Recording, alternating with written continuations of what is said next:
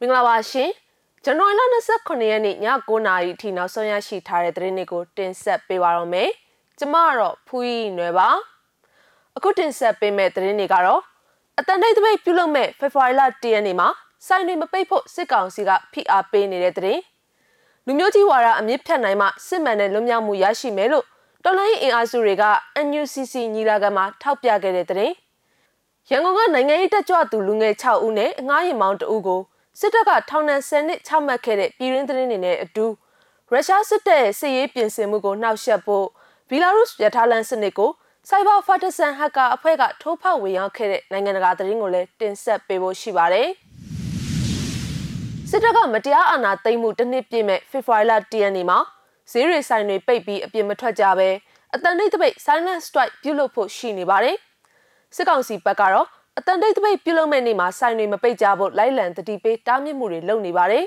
။ရန်ကုန်မြို့မရန်ကုန်မြို့နယ်အတွင်းရှိဆိုင်တွေဖေဖော်ဝါရီလ10ရက်နေ့မပိတ်ဖို့လျှက်စစ်ဝန်ထမ်းဝစ်စုံဝစ်စင်ထားတဲ့အမျိုးသား9ဦးနဲ့အမျိုးသမီး2ဦးက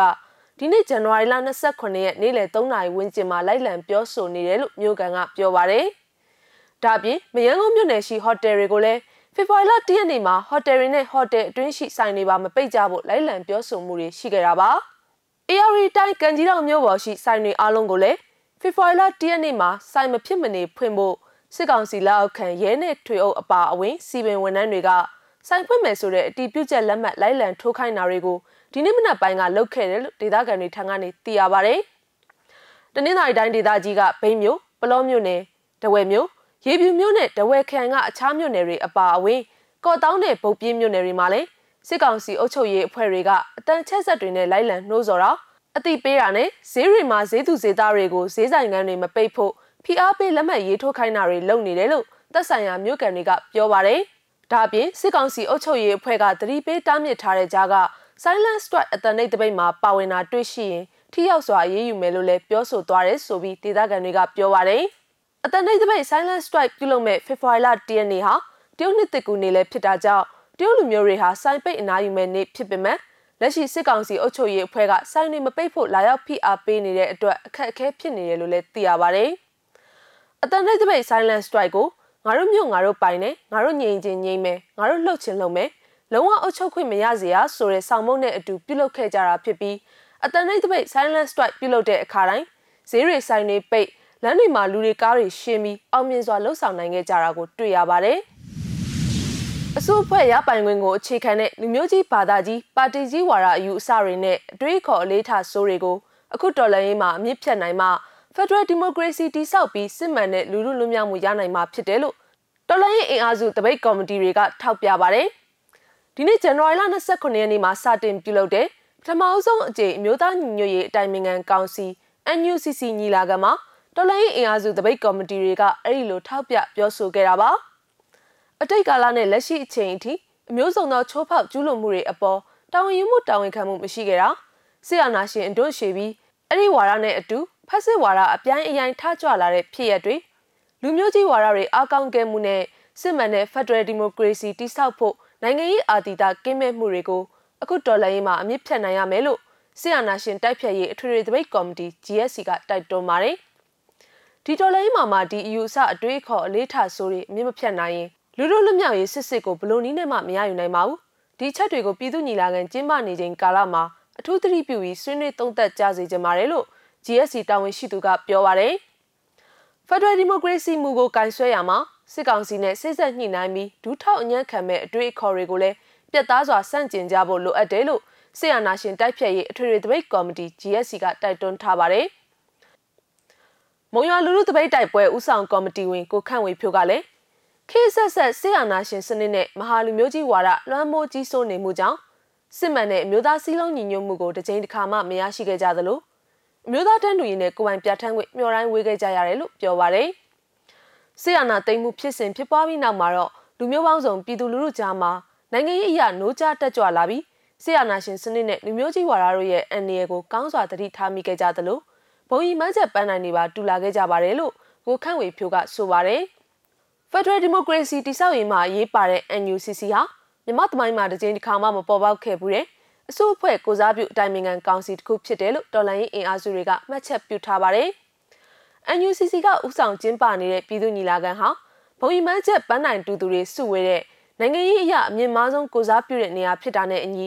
ပြည်သူညီလာခံကိုနှစ်သာရရှိရှိကျင်းပပြီးတော်လှန်ရေးလူလူအတွက်အားဖြစ်စေမဲ့ဆုံးဖြတ်ချက်တွေနဲ့အတီးပြုမှုတွေဖြစ်စေရေး အစိုးအဖွဲ့အသီးသီးကကြိုးပမ်းဖို့လိုအပ်တယ်လို့ကိုခန့်ဝေဖြိုးကပြောပါတယ်။အမျိုးသားညွေအတိုင်းအမြန်ကောင်စီ NUCC ပြည်သူ့ညီလာခံကိုဇန်နဝါရီလ29ရက်နေ့ကနေ29ရက်နေ့အထိကျင်းပနေပြီးမြို့သားညွေရေးဆိုရ NUG မြို့သားညွေရေးတိုင်းနိုင်ငံကောင်စီ NUCC နဲ့ Federal Democracy ဂျာကာလာဖွဲ့စည်းပုံအခြေခံဥပဒေစတဲ့လုပ်ငန်းစဉ်၃ရပ်ကိုအတည်ပြုသွားမှာဖြစ်ပါတယ်။ရန်ကုန်ကနိုင်ငံရေးတက်ကြွလှုပ်ရှားသူလူငယ်6ဦးနဲ့ငှားရင်မောင်း2ဦးကို စစ်တပ်ကထောင်ဒဏ်10နှစ်ချမှတ်ခဲ့ပါတယ်။အကြမ်းဖက်စစ်ကောင်စီရဲ့အရှိပိုင်းခရိုင်တရားရုံးကဇန်နဝါရီလ29ရက်နေ့မှာအလုတ်ကျန်းတဲ့ထောင်ဒဏ်10နှစ်ချမှတ်လိုက်တယ်လို့သူတို့နဲ့နှီးဆက်သူမိတ်ဆွေတဦးထံကနေသိရပါတယ်။နွေဦးတော်လိုင်းမှာတက်ကြွစွာပါဝင်လှုပ်ရှားခဲ့တဲ့ကိုစင်လင်းဝင်းထက်မှာသူရအောင်ဝင်းထိုက်ကိုကိုမင်းဟိန်းသူဖြိုးဟင်းကျော်တို့ကိုဇူလိုင်လ15ရက်မနက်ပိုင်းကဖြစ်ပွားခဲ့တဲ့တောင်ကလဘာမြို့နယ်ရှိကမ္ဘာရတနာဘဏ် GTB ဓမြတိုက်ခံရမှုဖြစ်စဉ်နဲ့ပတ်သက်တယ်လို့ဆွဆွဲပြီး ပုံမှန်395ဓမြမှုနဲ့ထောင်ချခဲ့တာဖြစ်တယ်လို့သိရပါတယ်။ဒါပြင်သူတို့6ဦးငှားရမ်းခဲ့တဲ့တက်စီရမောက်ကိုလင်းလင်းထိုက်ကိုလည်းဓမြမှုပုံမှန်395အပြင်အားပေးကူညီမှုပုံမှန်114နဲ့ပါအလုတ်ကျန်းတဲ့ထောင်ဒဏ်10နှစ်ချမှတ်ခဲ့တာပါရဲဘော်တွေနဲ့ပတ်သက်ပြီးတော်လန်ရေးမှာလူလူနဲ့အတူအခြေအနေတစ်ခုထိရောက်အောင်ပါဝင်ခဲ့တဲ့အတွက်ဂုဏ်ယူပါတယ်ဖက်စစ်စစ်တပ်ကဒီလူငယ်တွေကိုထောင်ချထားမှလုံခြုံမယ်လို့မြင်ပုံပါပဲသူတို့ကပုံကန်နေစေဖြစ်တဲ့လူငယ်တွေကိုကြောက်နေလို့ပါပဲလို့ သူတို့နဲ့ရဲဘော်ရဲဘက်ဖြစ်သူတူကမှတ်ချက်ပြုပါတယ်သူတို့ကိုမယန်းကုန်းနဲ့တောင်းကလာပါကမ္ဘာရတနာဘဏ်ခွဲနှစ်ခုကအမှုဖွင့်တရားစွဲဆိုထားတာဖြစ်ပြီးနောက်ပိုင်းခရိုင်တရားရုံးကအမိန့်ချဖို့ကြံသေးတယ်လို့သိရပါတယ်အဲ့ဒီနိုင်ငံရေးတက်ကြွလှုပ်ရှားသူ6ဦးနဲ့တစီရမောင်းတို့ဟာစက်တင်ဘာလ19ရက်နေ့ကသူတို့နေထိုင်ရာနေအသီးသီးမှာဖမ်းဆီးခံခဲ့ရတာဖြစ်ပါတယ်။မဝင်းထက်မှာခေါ်အမဟာဗဘဲနိုင်မြို့နယ်လူအောင်တစ်လူငယ်ဥက္ကဋ္ဌဟောင်းတူဖြစ်ပြီးကိုစင်လင်းနဲ့ကိုဖြိုးရင်ကျော်တို့ဟာဘကတចောင်းသားတွေဖြစ်ကြပါတယ်။ နိုင်ငံတကာဘက်မှာတော့ရုရှားစစ်တပ်ရဲ့စစ်ရေးပြင်ဆင်မှုကိုနှောက်ယှက်ဖို့ဘီလာရုစ်ရထားလမ်းစနစ်ကိုစိုက်ဘာဖာတဆန်ဟက်ကာအဖွဲ့ကထိုးဖောက်ဝင်ရောက်ခဲ့တဲ့သတင်းကိုတင်ဆက်ပေးကြပါမယ်။သတင်းအပြည့်အစုံကိုလည်းဆက်လက်ကြည့်ရှုလိုက်ရအောင်ပါ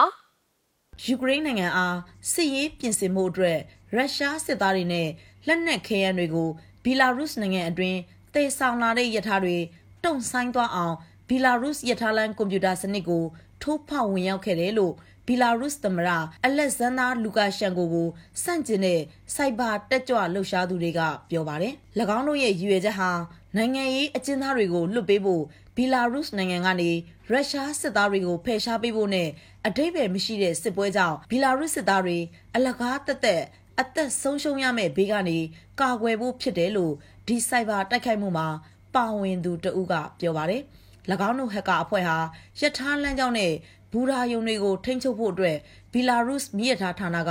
အသုံးပြုနေတဲ့ အတွင်းပိုင်းဒေတာ အချက်လက်တွေကို ဖျက်ဆီးပစ်ခဲ့ပြီး ဒီလိုရကြောင့်ယထာခီးစဉ်တွေ နှောင့်နှေးသွားမှာဖြစ်တယ်လို့ရုရှားစစ်သားတွေ ပြောင်းရွှေ့မှုကိုလည်း သွယ်ဝိုက်တဲ့နည်းနဲ့ ထိခိုက်စေနိုင်တယ်လို့စိုက်ဘာပါတီဆန်ဟက်ကာအဖွဲ့ဝင်တဦးက ပြောပါတယ်။ဒီဟက်ကာအဖွဲ့ဟာ ရထားတွေ တုံဆိုင်သွားစေဖို့အတွက် အချက်ပြစနစ်တွေ အရေးပေါ် ထိန်းချုပ်စနစ်တွေကို ဖျက်ဆီးပြရမယ် ပုံမဆိုးရတဲ့အဆင့်ကိုတော့မလုဆောင်ရသေးဘူးပဲဖြစ်ပါတယ်။ဒါပေမဲ့အပြစ်မဲ့ပြည်သူတွေပေါ်ထိခိုက်မှုမရှိဘူးဆိုရင်တော့လှုပ်ကောင်းလုပ်နိုင်တယ်လို့ပြောပါတယ်။ဒီဟက်ကာအဖွဲ့ဟာယူကရိန်းနေဆက်အနားမှာရုရှားနိုင်ငံက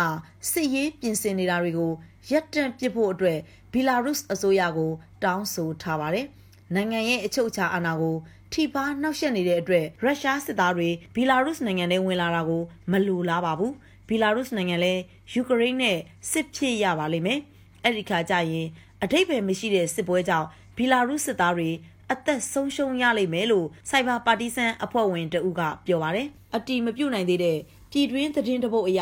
ဒီစစ်ရေးပြင်ဆင်မှုမှာရုရှားစစ်သားတွေနဲ့လက်နက်ကရိယာတွေကိုယထာအစီး200နီးပါးနဲ့တည်ဆောင်လာတယ်လို့ဆိုပါတယ်။ဒါပေမဲ့စိုက်ဘာပါတီဆန်အဖွဲ့ကတော့၎င်းတို့ဟတ်ထားတဲ့အချက်အလက်တွေထဲမှာ ဒီအရေးအတွက်ကိုအတီးပြုတ်ထားတာမျိုးရှာမတွေ့သေးဘူးလို့ဆိုပါတယ်။ဘီလာရုစ်ယထာလန်ကွန်ပျူတာစနစ်ကိုစွန့်လွတ်ပေးဖို့အတွက်ဆိုရင်စေဝါကုသမှုလိုအပ်နေတဲ့ဘီလာရုနိုင်ငံရေးအကျဉ်းသား90ကျော်ကိုပြန်လွတ်ပေးရမယ်လို့ဒီဟက်ကာအဖွဲ့ကတောင်းဆိုထားပါတယ်။ပြည်တွင်းလူအခွင့်ရေးအဖွဲ့ဖြစ်တဲ့ဘိုင်စနာအဖွဲ့ရဲ့အဆိုအရ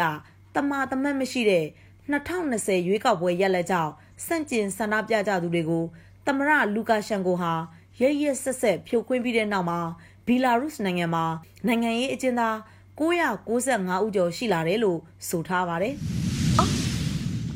မဇ္ဈိမ TV ရဲ့နောက်ဆုံးရသတင်းတွေကိုတင်ဆက်ပေးကြတာပါ။စောင့်မျှော်ကြည့်ရှုခဲ့ကြတဲ့ပရိသတ်တွေအားလုံးကိုကျေးဇူးအထူးပဲတင်ရှိပါရရှင်။